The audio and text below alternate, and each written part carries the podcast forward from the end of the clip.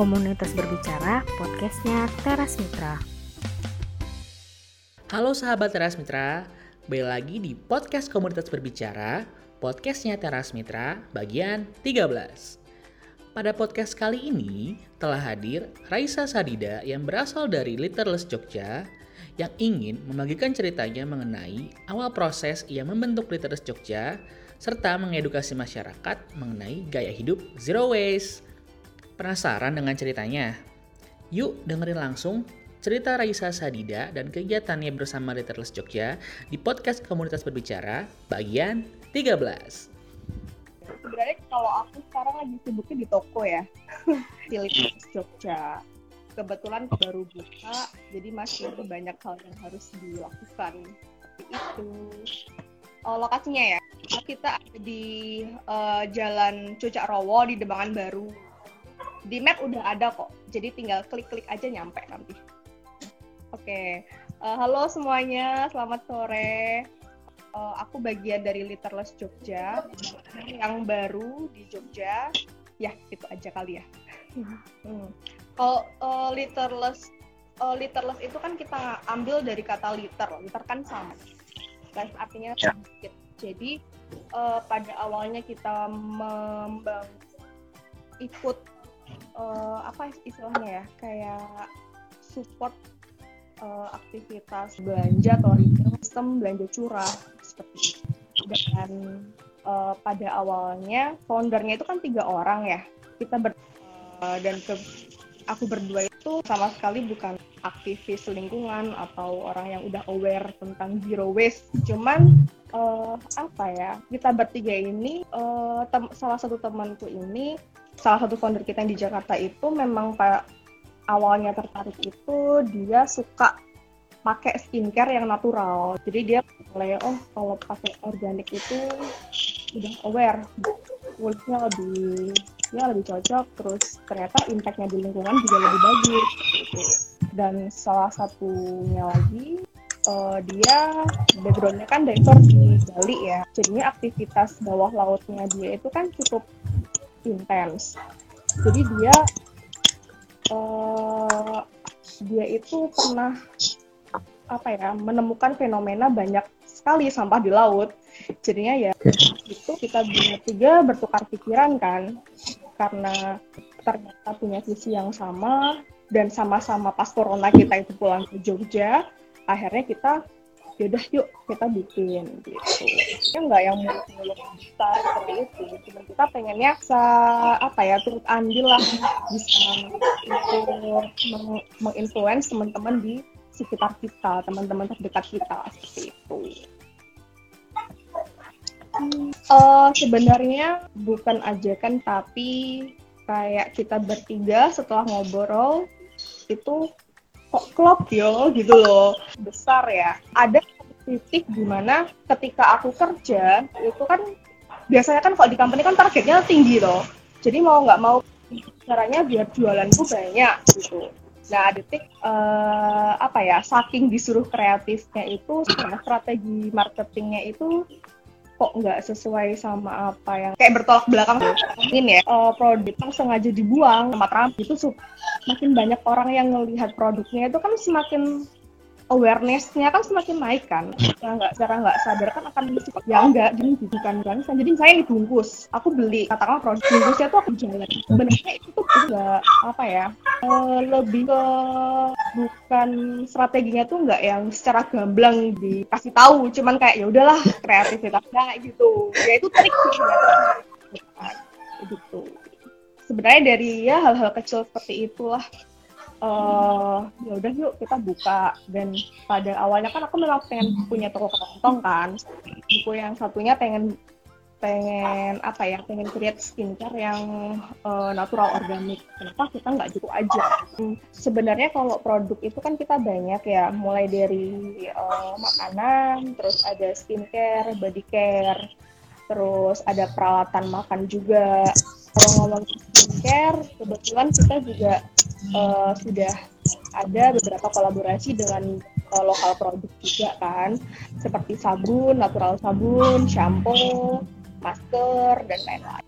Jadi lokasi kita itu uh, letaknya ada di garasi ya, garasi rumah gitu. Jadi kalau teman-teman datang, nanti kayak berasanya uh, masuk ke rumah gitu. Ini aku coba. Jadi kalau ini mejanya yang khusus uh, untuk display barang-barang uh, buat deterjen atau pembersih rumah seperti itu.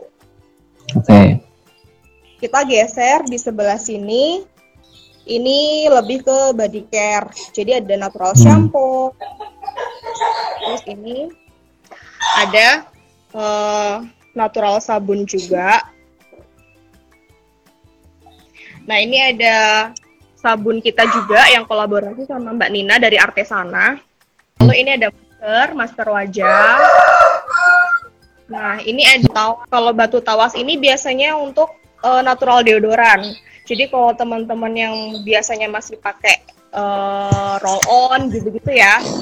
Nah, nanti deodoran naturalnya kita juga udah ada. Tour-nya masih aduh, kenapa. Ini ya. Oke, kalau ini ada eh, satu spot yang memang khusus buat ngedisplay musli sama granulanya kita. Teman-teman bisa ngeliat. Ini kita memang homemade, kita bikin sendiri, gitu kan. Jadi yang ini tropical musli. Lalu kita juga ada almond musli. Oke. Musli itu biasanya kalau teman-teman pernah dengar sereal ya? Buat makan pagi. Nah, uh, musli jenis ya, ya. Sebenarnya bahan dasarnya itu roll oat, cuman kita mix sama biji-bijian, sama superfood, sama buah-buah kering seperti itu. Biasanya sih dimakannya itu pakai susu, kalau enggak yogurt. Kalau yang nah, bestsellernya sih ini coklat granola. Iya. Iya, jadi salah satu partnerku itu kan suka makan ini ya sereal gitu. Hmm, eh, yogurt dicampur sama musli terus akhirnya kita udahlah kita bikin yuk musli nah dia yang racik dia yang bikin gitu bikin resepnya kita ada madu Oh, Nah, ini madunya kita ada banyak sih, cuman yang paling kita rekomendasikan itu ini. Ini madu dari Baduy. Ya, Iya, ini madu dari Baduy. Jadi kita dapat suplainya langsung dari suku Baduy di Banten. Ya, kebetulan kita juga pengen support mereka kan dari segi ekonomi juga. Oh, ini ada Hmm. aromatic candles juga menyediakan wadah gitu ya. Sebenarnya memang pada awalnya kan harapan kita teman-teman yang mau belanja itu bawa wadah sendiri dari rumah. Ternyata eh, kalian lupa membawa wadah, kita juga menyediakan alternatif. Nah, salah satu itu ini aku coba tunjukin ya. Kita ada eh, jar kaca seperti ini.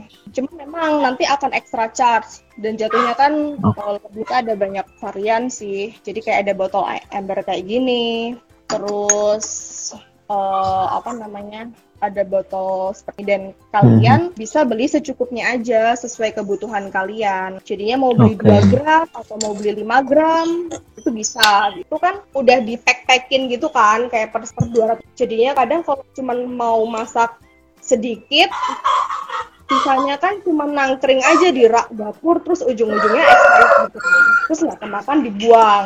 Jadinya tuh eh, kalau di sini kalian bisa beli secukupnya. Misalnya mau masak nasi goreng butuh garam buntut gitu ya. Dua 10 gram atau 5 gram kalian bisa kalau ini eh, biji-bijian kacang-kacangan seperti ini nih ini ada almond Oke. ini ada almond, lalu ini ada apa lagi ya? Oh, ini chia seed yang sekarang. Teman-teman yang sedang memulai hidup sehat biasanya nggak asing sama chia seed. Ini kita juga ada. Terus pumpkin seed. Jadi varian beras-beras pun kita juga ada. Mulai dari beras basmati, lalu ada beras putih, beras merah gitu. Yang penasaran eh, pengen nanya-nanya produk Mm-mm. produk ini ada atau enggak gitu bisa DM kita. Nanti kita, Oke. kita bisa jawab gitu. Tenang saja buat teman-teman yang sedang eh, ingin memulai untuk belanja curah eh, di Littlest kita nggak ada minimal pembelian ya. Jadi kalau kalian mau beli 1 gram, 2 gram aja bisa gitu. Jadi tenang aja. sebenarnya kalau untuk kegiatan yang formal kita belum ada. Cuman kegiatan kita itu lebih ke kegiatan yang kecil-kecil seperti itu dan biasanya kita kegiatan kita itu melibatkan orang-orang di sekitar kita yang terdekat kita salah satunya itu ya teman-teman yang satu circle sama kita lah gitu kan. Biasanya kalau misalnya lagi pada di, di toko biasa kan pada suka nongkrong gitu kan sambil ngopi gitu, kita sharing-sharing gitu. Dan kebanyakan kan circle kita kan yang memang belum aware hal-hal yang berbau zero waste gitu kan. Jadi pada awalnya ketika mereka datang itu kan banyak yang suka pesan makanan tuh kan GoFood ya. Kalau GoFood kan lingkungannya kan juga kresek gitu kan. Jadi kan banyak numpuk. Terus ya udah kita ini kita mulai masuk gitu. Kita masuknya ke teman-teman kita dulu. Kalau kamu ini uh, kalau misalnya GoFood pakai lihat nih numpuk. Jadi emang kita sengaja kita ada ember khusus yang buat nampung plastiknya mereka sampai misalnya katakanlah satu satu minggu gitu ya kita kasih segini nih minggu gitu. Itu tuh kayak kita lakukan terus kan karena mungkin karena satu circle dan intensitas kita ketemunya itu sering jadinya kan lama lama lama kelamaan tuh makat gitu toh. Dan jero hati mak. Yo terus kemarin ya kayak udah beberapa bulan ini tuh ternyata kita amaze-nya itu kalau lagi nongkrong gitu ya makan waktu mereka tuh kayak udah refleks nggak pakai semin pakai sedotan mereka nggak bawa mereka pasti nanyanya ke pimpin kan karena pimpin kan yang sering nongkrong sama mereka. Aku pinjem sedotan gitu biasanya dia kan bawa banyak ya kan? Pinjemin satu-satu jadi itu kayak udah gimana ya itu kan habit kan hal-hal kebiasaan. Walaupun sederhana kalau kita pergi ke mana bawa sedotan stainless tas hmm. itu kan memang udah diucapkan tapi nggak nggak nggak gampang gitu loh dilakuin. Aku sendiri pun juga sampai sekarang juga masih belajar untuk membiasakan diri seperti itu. Terus selain itu juga kan di Literless kan kita juga memang menyediakan namanya biopori. Jadi di halaman kita tuh ada biopori yang fungsinya uh, kayak kayak bisa makanan atau sayur-sayuran gitu kan kalau nggak dibuang eh kalau dibuang kan uh, malah bikin ini kan nggak bagus juga kan buat lingkungan. Hanya kan kita bikin bio. Ya, ya sejauh ini sih memang kita ke kita nyebutnya bukan kegiatan ya, tapi kayak semacam aktivitas daily gitu. Yeah. Hmm, dan memang sama sekali hmm. mereka tuh paham dan nggak tahu, bahkan mereka bodoh amat gitu. Tapi ternyata dari hal-hal seperti itu tuh berpengaruh juga ke mereka kalau di Jogja alhamdulillah dari awal kita responnya bagus ya. Buat kita bertiga yang sudah lama meninggalkan Jogja terus tiba-tiba pulang ke Jogja dan membangun itu kita sangat appreciate dengan orang-orang Jogja yang ternyata udah aware gitu loh dengan lingkungan. Bahkan ternyata mahasiswa-mahasiswa di Jogja tuh mereka sangat tertarik dengan hal ini. Jadinya pengunjung sendiri juga walaupun terkadang masih ya lima enam orang datang gitu cuman ada terus gitu. Responnya juga bagus. Sebenarnya banyak sekali loh yang datang ke kita yang kita nggak sangka-sangka mereka udah bawa wadah sendiri gitu. dan itu tuh nggak satu dua nggak satu dua kali beberapa kali gitu. Jadinya kita pikir wow ternyata memang ini sih apa ya antusiasme orang Jogja dengan adanya store itu tinggi sekali, cukup tinggi lah kalau aku bisa bilang ya. Tapi kan di Jogja kan juga banyak ya, cukup banyak kan, dan um, itu hal bagus sih menurutku. Ya, hmm, kalau yang mereka sampai nanya kok kayak gini sih, karena kebanyakan orang yang datang ke kita itu adalah orang yang sudah tahu dengan konsep kita. Biasanya orang yang belum tahu itu pasti mereka lebih memilih untuk belanja ke supermarket kan. Atau ke mana gitu. Dan uh, cuman kalau yang datang nggak bawa tempat itu memang masih banyak. Ya kan mereka uh, pakai packaging tambahan kan jadinya kan X juga gitu. workshop kita belum. Sebenarnya kita pengen beberapa kali aku juga sempat ngajakin Mas Rifki kan cuman belum sampai ya pernah uh, kita tuh pengennya workshopnya di di Literless. Cuman karena renovasi uh, masih ya masih banyak uh, yang dibenerin gitu. Jadi kita hold dulu, kita pending dulu sampai nanti benar-benar siap seperti itu. Um, kalau mengenai pemasaran ya strategi marketingnya itu itu kita 70 hampir 60 persen deh 60 persen itu kita masih di online di Instagram dan di Instagram itu uh, kita coba sisipkan sedikit demi sedikit edukasi juga ke uh, dengan ramah lingkungan seperti itu lalu selain itu juga hmm, kita ikut beberapa event sih di Jogja kayak pasar Wiguna. Nah tujuannya sih buat membangun relasi ya dengan tenan. Kita tahu hmm. bisa kita ini collab atau apa gitu. Kalau dikirim itu kan perlu packaging ya. Jadi kita nanti siapkan ini packaging-packaging yang kiranya lebih ramah lingkungan gitu.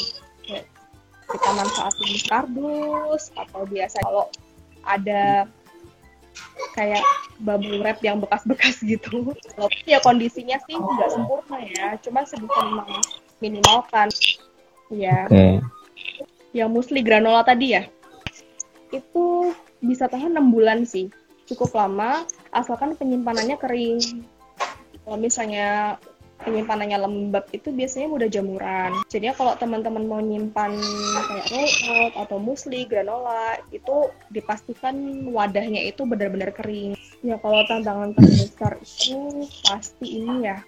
Uh, kita kan menjalani bisnis ini kan juga ada innya kan, uh, visi misinya kan. Kayak sedangkan orang-orang circle kita itu tuh bukan orang yang aware. Jadi ketika menjelaskan tuh mereka pasti iya kok jadi kayak kurang tertarik gitu loh. Jadi kita gimana caranya supaya menarik dan dan apa ya dan mereka itu secara nggak sadar itu tuh bisa bisa mempengaruhi hidup mereka walaupun sedikit sekali gitu hal-hal yang hmm. kecil sekali terus ditambah juga uh, ini kan seperti apa ya kondisi sekarang yang masih pandemi gitu kan jadi kita kayak harus selalu muter otak terus nih gimana biar tetap menyajikan konten-kontennya menarik terus orang tuh tertarik dengan literless gitu hmm.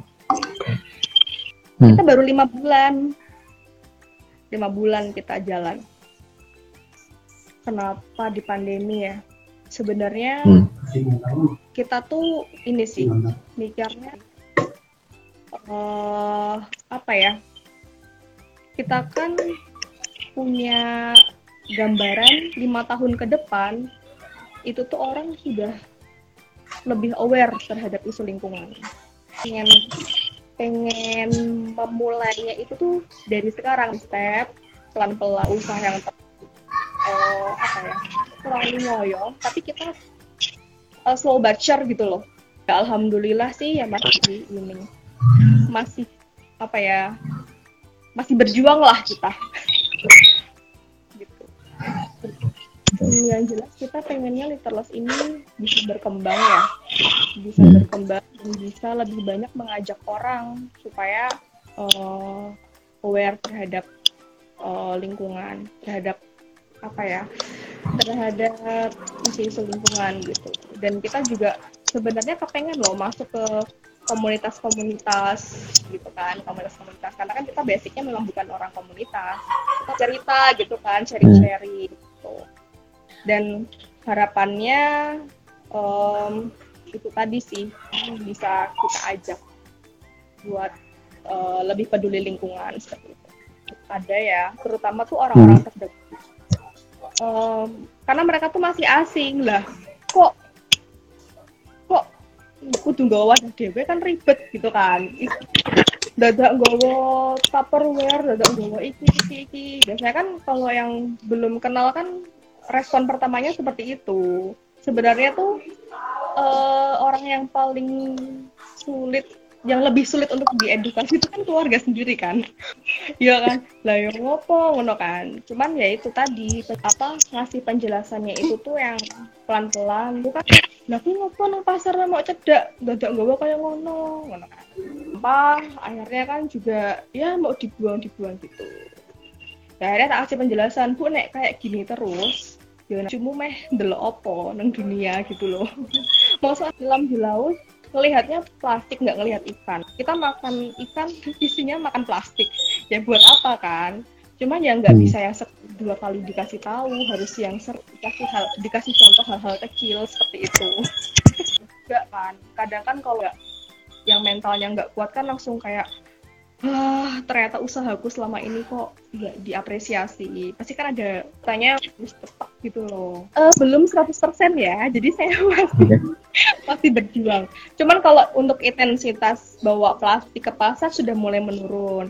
Cuman kalau misalnya beli sayur di warung sebelah kadang masih lah orang jalan-jalan nggak bawa rantang ya udah pakai plastik gitu. Tapi ya udah apa-apa ini tuh eh, aku di teras ya jadinya eh kalau kita produknya nggak produksi sendiri semua sih jadi kita memang beberapa partneran sama eh, produk lokal terus ada juga kita supply dari ini kayak distributor gitu.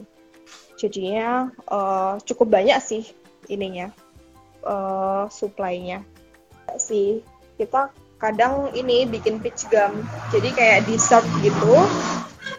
Dessert eh, cuman kita biasanya ini bikinnya itu kayak seminggu sekali gitu. Ya kadang open PO terus kadang ya kita bikin terus kita langsung ini promoin di mana? Instagram gitu. Dan kadang Hmm. malah ada orang yang udah langsung pesan gitu. Kalau aku sarankan peach gum itu lebih baik eh, langsung dimakan sih karena penyimpanannya nggak lama ya cuma lima Hmm. hari kalau misalnya mau dibawa keluar kota kita ada ini Ups. ini jadi kayak kita udah sediain eh, paket yang kering jadi nanti teman-teman bisa langsung rebus yang masih belum tahu kita juga ada Hmm. ini kayak menstrual pad. Jadi ini kita ada menstrual pad. Jadi ada Hmm. yang panty liner, terus ada mini pad. eh ini ada yang menstrual pad untuk malam. Jadi kan biasanya kalau buat cewek, kita juga menyediakan yang bisa reusable. Jadi nanti Oke. teman-teman bisa apa namanya nggak perlu beli setiap bulan gitu loh. Kalian tinggal bisa dicuci ini bisa bersih. Ini kan Oke. eh cara makainya kan seperti pembalut biasa. Cuman Hmm. kalau biasanya ketika sudah dipakaikan dibuang, kalian bisa dicuci lalu lalu dikeringkan. Oke.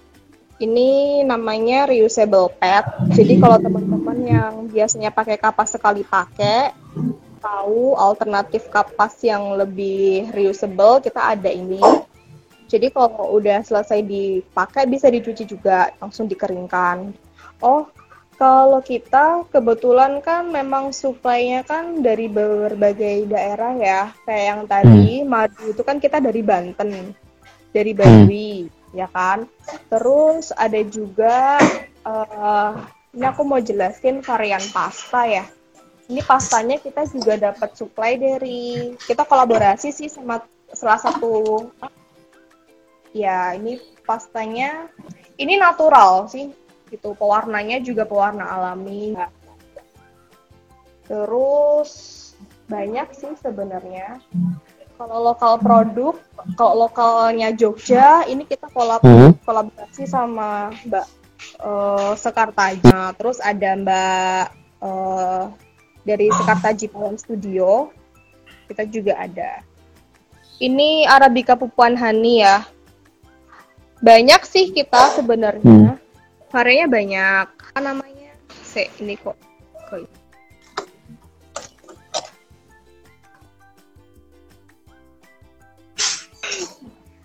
Hmm. lalu ada bimoli juga. Sebenarnya kita itu nggak fokus nggak hanya fokus di lokal produk sih. Kita juga Hmm. eh, apa lokal dan natural maksud aku kita juga sediain yang pabrikan gitu karena Oke. balik lagi ke tujuan awal kita pengen ngenalin ke teman-teman terdekat kita itu eh, dari hal yang paling simple karena kan kalau produk pabrikan itu kan orang kan nggak asing kan jadinya untuk masuk itu lebih mudah seperti itu Terus kalau yang pabrikan gitu belinya eh, sasetan gitu juga mbak. Terus nanti dimasukin ke botol atau gimana? Yo nggak sasetan juga lah Makanya ya. Bu. Iya. makanya kan sama. jadi kalau yang produk Maaf ya pertanyaanku. kita ada distributornya jadi biasanya kita Oh oke oke. Udah bawa wadah sendiri juga ya?